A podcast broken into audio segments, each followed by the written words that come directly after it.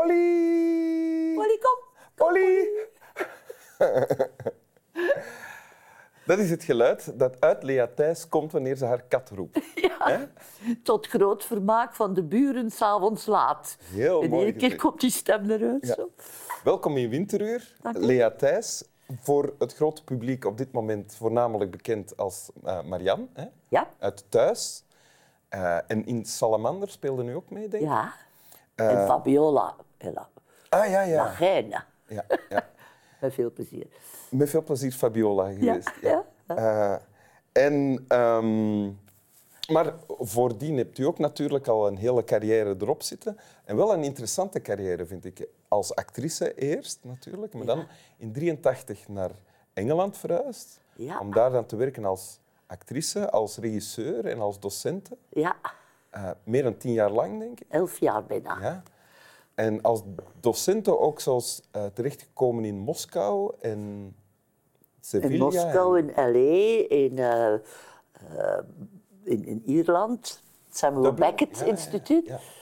Om dan uiteindelijk toch terug te keren naar België en hier dan gestalte te geven, zoals het heet, aan Marianne in thuis. Hè? Ja, Ja. ja het leven voert soms rare kronkelingen in iemands leven. Hoe kom je ergens terecht? Maar ik denk het terugkeren van Engeland had vooral te maken ook met mijn vader die eerst gestorven was, mijn moeder die vereenzaamde. En dan dacht ik, ik ga een tijdje terug naar huis. En dan stierf mijn moeder op dat moment. En dan had ik zoiets... Nee, ik moet thuis blijven. Ah, ja. Maar ondertussen waren er al, eh, was ik al aan het werken in een studio en in een conservatorium en zo. En u hebt een tekst meegebracht. Wil u die voorlezen? Ja, die ga ik voorlezen. Een tekst die mij nauw aan het hart ligt. Oké. Oké, wacht, ik moet mijn bril nemen. Hè? Oké. Heb ik geslapen terwijl de anderen leden? Slaap ik op dit ogenblik? Als ik morgen denk dat ik wakker ben, wat zal ik dan van deze dag zeggen? Dat ik met mijn vriend Estragon op deze plaats tot het vallen van de nacht op Godot gewacht heb? Mijn vriend zal niets weten. Schrijlings op het graf en een zware bevalling. In de diepte van het graf brengt de doodgraver dromerig de ijzers aan. Men heeft de tijd om oud te worden. De lucht is vervuld van ons geklaag, maar de gewoonte is een grote sourdine. Ook naar mij zullen ze kijken en zeggen: Hij slaapt, hij weet het niet. Laat hem slapen. Ik kan zo niet verder gaan. Wat heb ik gezegd? Tot daar. Tot daar, ja. Dit is een stukje uit eh, Wachten op Godot Ja, van Beckett.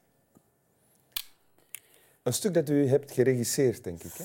Ja het gekke was, eh, ja, iedereen kent wel de uitdrukking wachten op Godot.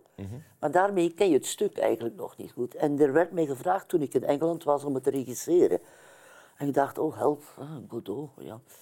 En dan ben ik het in de diepte gaan bestuderen. En ik, ik vind het een fascinerend stuk. hoe het ook bij het absurde van het theater terechtkomt, maar hoe het terzelfde tijd zo realistisch is in denken dat maar mogelijk is voor een mens. En zo realistisch in de zin van dat als je niet oppast, wat er inderdaad gebeurd was voor mij, dat ik daar depressief van werd. Oei, oei. Ja, omdat toen ik het aan het regisseren was, dat was een periode in mijn leven dat het allemaal niet meer zat. Nog emotioneel, nog relationeel, op alle mogelijke vlakken. En als je dan de essentie van Beckett begint eh, te doorgronden van wat hij eigenlijk zegt, dan word je niet vrolijk van. Want voor hem gaat het erom het leven is wachten, is eh, praten, is eh, vragen stellen, is biding your time totdat het gedaan is. Dus het is het compleet zinloze van het menselijk bestaan.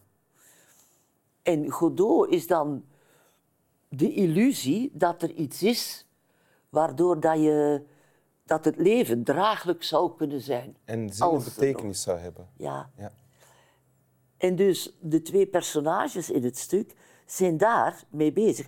Eigenlijk zijn ze daar niet zozeer mee bezig, maar Beckett laat ons wel die gedachte formuleren. Uh, de twee... Zullen we even kijken naar het stuk dat u hier dan hebt Ja. gekozen uit, uit het toneelstuk? Wat wordt er hier dan... Dus eh, de ene staat naar de andere te kijken. Hè? Ja, de ene is, een Gogo is in slaap gevallen. Een Gogo is degene die altijd klaagt. En Didi, Dimitri, is degene die hier aan het woord is. En hij is degene die realistischer is. Maar het ook allemaal niet meer aan kan. En dan kijkt hij naar zijn vriend, ziet zijn vriend Ja. liggen slapen. Ja, En dan en, zegt en hij... hij zegt ook, slaap ik op dit ogenblik? Is dit nu het leven? Ja. Is dit leven? Maar hij zegt ook een, een paar eh, moeilijke zinnen. Schrijlings op het graf en een zware bevalling. Ja. Een bevalling is altijd zwaar. Bevallingen zijn zwaar. Wordt gezegd. Hè? Ja, sowieso, zegt men. Maar eh, waar hij eigenlijk naartoe wil met dit te zeggen, is dat de dag dat je geboren wordt, ben je, begin je eigenlijk al te sterven. Dus de, de gravediggers, eh, de, de, de, de Doodgravers. ja, hebben de ijzers om u geboren te laten worden vast. En zij zijn eigenlijk degene die de time, timing oplegt. Want van dat, ogenblik, je wordt geboren en je gaat al richting sterven. En dat is ook wat Beckett zegt, tijd, wat is tijd? Tijd is voor hem heel vloeiend. Je, je wordt geboren op een dag, je sterft op een dag, hetzelfde moment, hetzelfde, dezelfde dag. Ja. En dan heeft Ja. men de tijd om oud te worden. Hè? Die wordt ons dan gegund. Ja, De lucht is vervuld van ons geklaag, maar de gewoonte is één grote sourdine. ja. Wat is nu weer een sourdine? Eh, een sourdine. Een... ehm goh, kan op het woord komen. Iets, om- iets dat dempt? Een demp, ja, een sourdine. Je kan- Met muzikanten hebben een sourdine om het geluid te dempen. Dus het geklaag, de dingen die echt in uw hoofd zitten, wat de, wereld aangaat, wat, wa- wat u beangstigt en, en al die dingen, die kun je alleen via een sourdine, zijnde in dit geval eh, de gewoonte, eh, stilte opleggen. Ja. Ja, om daarmee verder te kunnen leven. Want als je geconfronteerd wordt met wat Beckett dan beweert, de werkelijkheid, zijn het zinloze, het compleet nutteloze van leven, ja, dat, dat, dat gaat niet. En als je daar begint om te denken, dan, dan beangstigt het wel. Ja. Dan zeg je, wat, wat, wat doe ik hier? Als ik dat allemaal moet geloven, dan kan ik ook niet meer verder. Maar ik moet verder. ja. U zegt dat u deze, toen u deze tekst voor het eerst leerde kennen, Ja. dat u toen diep zat. Ja, ik zat, ik zat toen diep op alle mogelijke manieren. En, maar u kiest de tekst wel nu.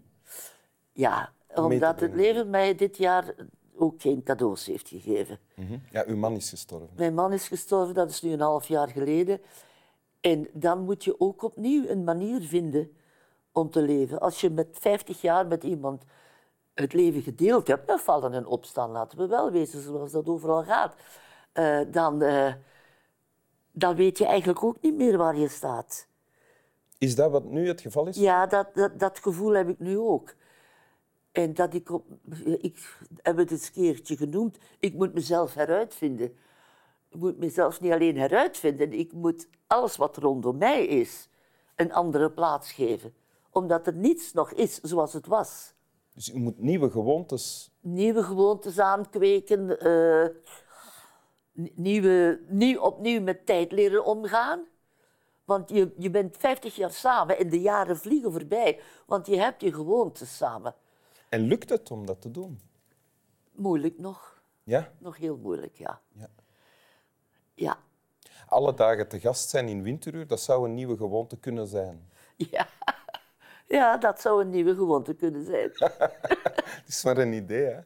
het is waar, het is waar. We kunnen misschien elke avond een praatje slaan Ja. over whatever. Oké, Iets dat we allebei belangrijk vinden op dat moment. Oké, deal. Oké. Wil u het nog eens lezen? Ja, ik zal het nog eens lezen. Nog mijn bril weer opzetten. Ai, ai, ai. Oud worden, niks goed aan. Eh, heb ik geslapen terwijl de anderen leden? Slaap ik op dit ogenblik?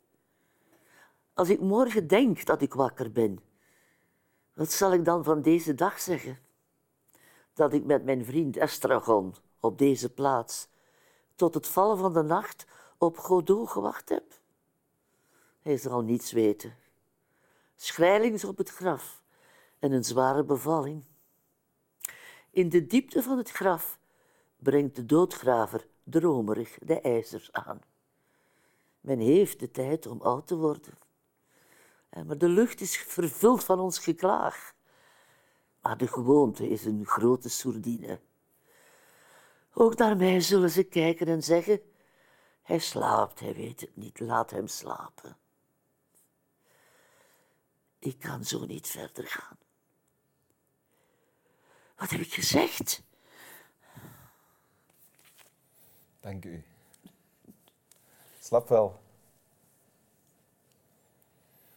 Staat erop? Ik denk het wel. Nou, dat is één keer genoeg, hè? Oké.